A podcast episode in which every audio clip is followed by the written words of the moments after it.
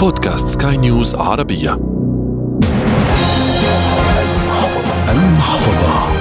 المحفظة. أهلا بكم. مصروف البيت الموضوع القديم الجديد المتجدد الذي لا ينتهي.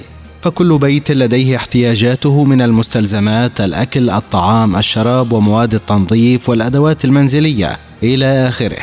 كما يقول البعض البيت لا يشبع. أي أن متطلباته لا تنتهي. هناك موضوع جدلي دائما ما يطرح حول من ينجح أكثر الزوج أم الزوجة في إدارة مصاريف البيت. البعض يقول إن هذا ملعب الزوجة فهي تلم أكثر من الرجل بالأسعار وتعرف أكثر منه أماكن البيع المناسبة والتي تبيع بأفضل الأسعار.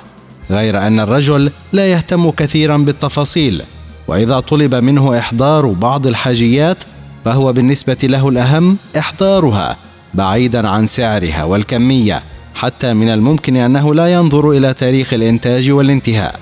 آخرون يقولون إن الرجل أقدر على إدارة هذا الملف فهو يعرف كم تبقى من مصروف المنزل ويوازن قدر الإمكان بين ما تبقى من نقود والاحتياجات.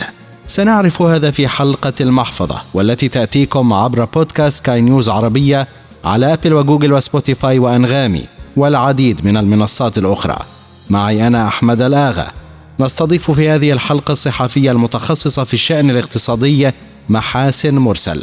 بداية أهلا بك. نعم مساء الخير أستاذ أحمد. يعني السؤال القديم الجديد كما قلنا من أقدر على إدارة ملف إدارة مصاريف المنزل الزوج أم الزوجة؟ يعني بطبيعة الأحوال أولا يعني التأمين في هذا الموضوع أو حسم الخيار هو صعب للغاية لأن هذا الأمر عائد إلى كل شخصية مركبة بحد ذاتها. يعني قد يكون الرجل في المنزل هو الأكثر قدرة على إدارة الأمور المالية وقد تكون المرأة ولكن العموم بشكل يعني أن نعمم من هو أقدر من ذلك يعني هون ساعتها بنكون عم نظلم. ولكن العلم دائما بيقول أنه إذا بدي روح شوي على يعني الاختصاصيين في هذا الإطار آه، بيتوجهوا أكثر طبعا بعد ما عملوا ستاتستيك أو بيانات إحصائية.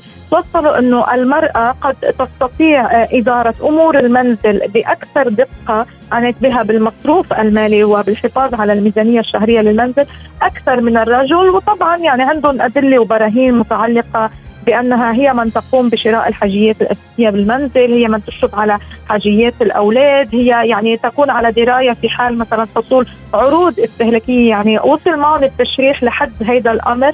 أه لهيك قرروا إنه تكون المرأة هي أكثر قدرة على إدارة ميزانية الرجل، ولكن بالمقابل آه، نحن عم نحكي طبعا النظريات العلمية. آه، يقال إنه المرأة بيقولوها شوي مسرفة يعني عندها إنفاق زايد. لا تستطيع إنه تتحمل إدارة ميزانية منزل. لهيك يفضل ساعتها أن تكون إدارة المنزل عائدة للرجل. هنالك نظرية أخرى تقول إنه يجب التنسيق ما بين الرجل والمرأة لأنه كل منهم آه بسد ثغرات الآخر بالمكان اللي بلاقيه صح. يعني مثلا بحدد شو الأولويات. آه هيدا الشهر مثلا الأولوية إذا بدي أقول أنا نحن مخ... يعني نحن هلأ مثلا بموسم دراسي. الأولوية بتكون مثلا لشراء آه للتسجيل بالمدارس شراء الكتب والحاجيات الأساسية. نعم. آه في يعني بيصيروا ينظموا الأولويات. الأفضل أن يكون التنسيق بين الرجل والمرأة ومش حدا واحد يستلم دون علم الآخر أو يتولى بمام الأمور دون علم الآخر إلا إذا كان الشريك هو قبلان بهذا بهذا الأمر يعني. نعم أستاذة محاسن. هذا يقودنا أيضا إلى الجهة الأخرى. أحيانا من الممكن أن يخرج الزوجان لشراء حاجيات المنزل.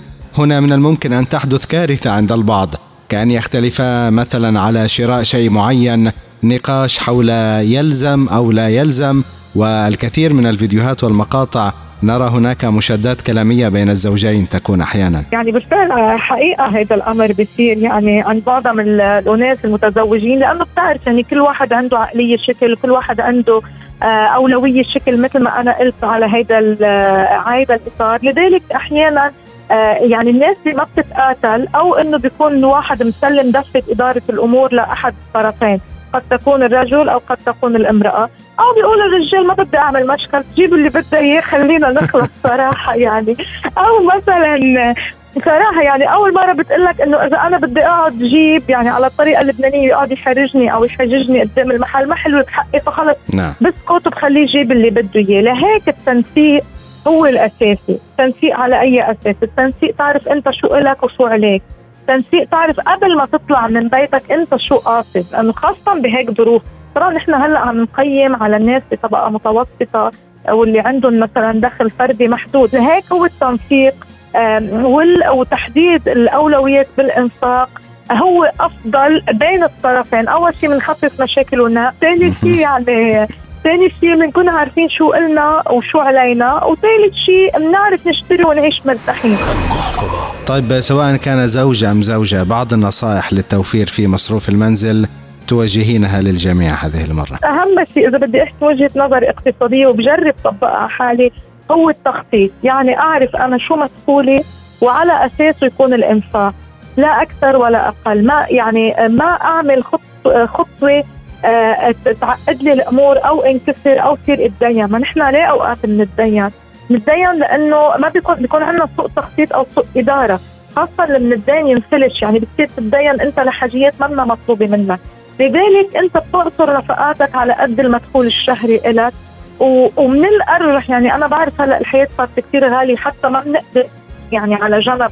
مثل ما بيقولوا القرش الأبيض لليوم الأسود. هلا هالقرش الأبيض بطل متواجد يعني؟ بس إنه التخطيط التخطيط مع الشريكين. يعني كل واحد يكون حاطط على بساط أحمد شو له وشو عليه. نتجنب آه نتجنب مثلا إذا أنت هلا آه في ظروف لنقول هلا وضع البلد كثير مكركب ومنهار ولازم والله نضطر نحافظ على حالنا.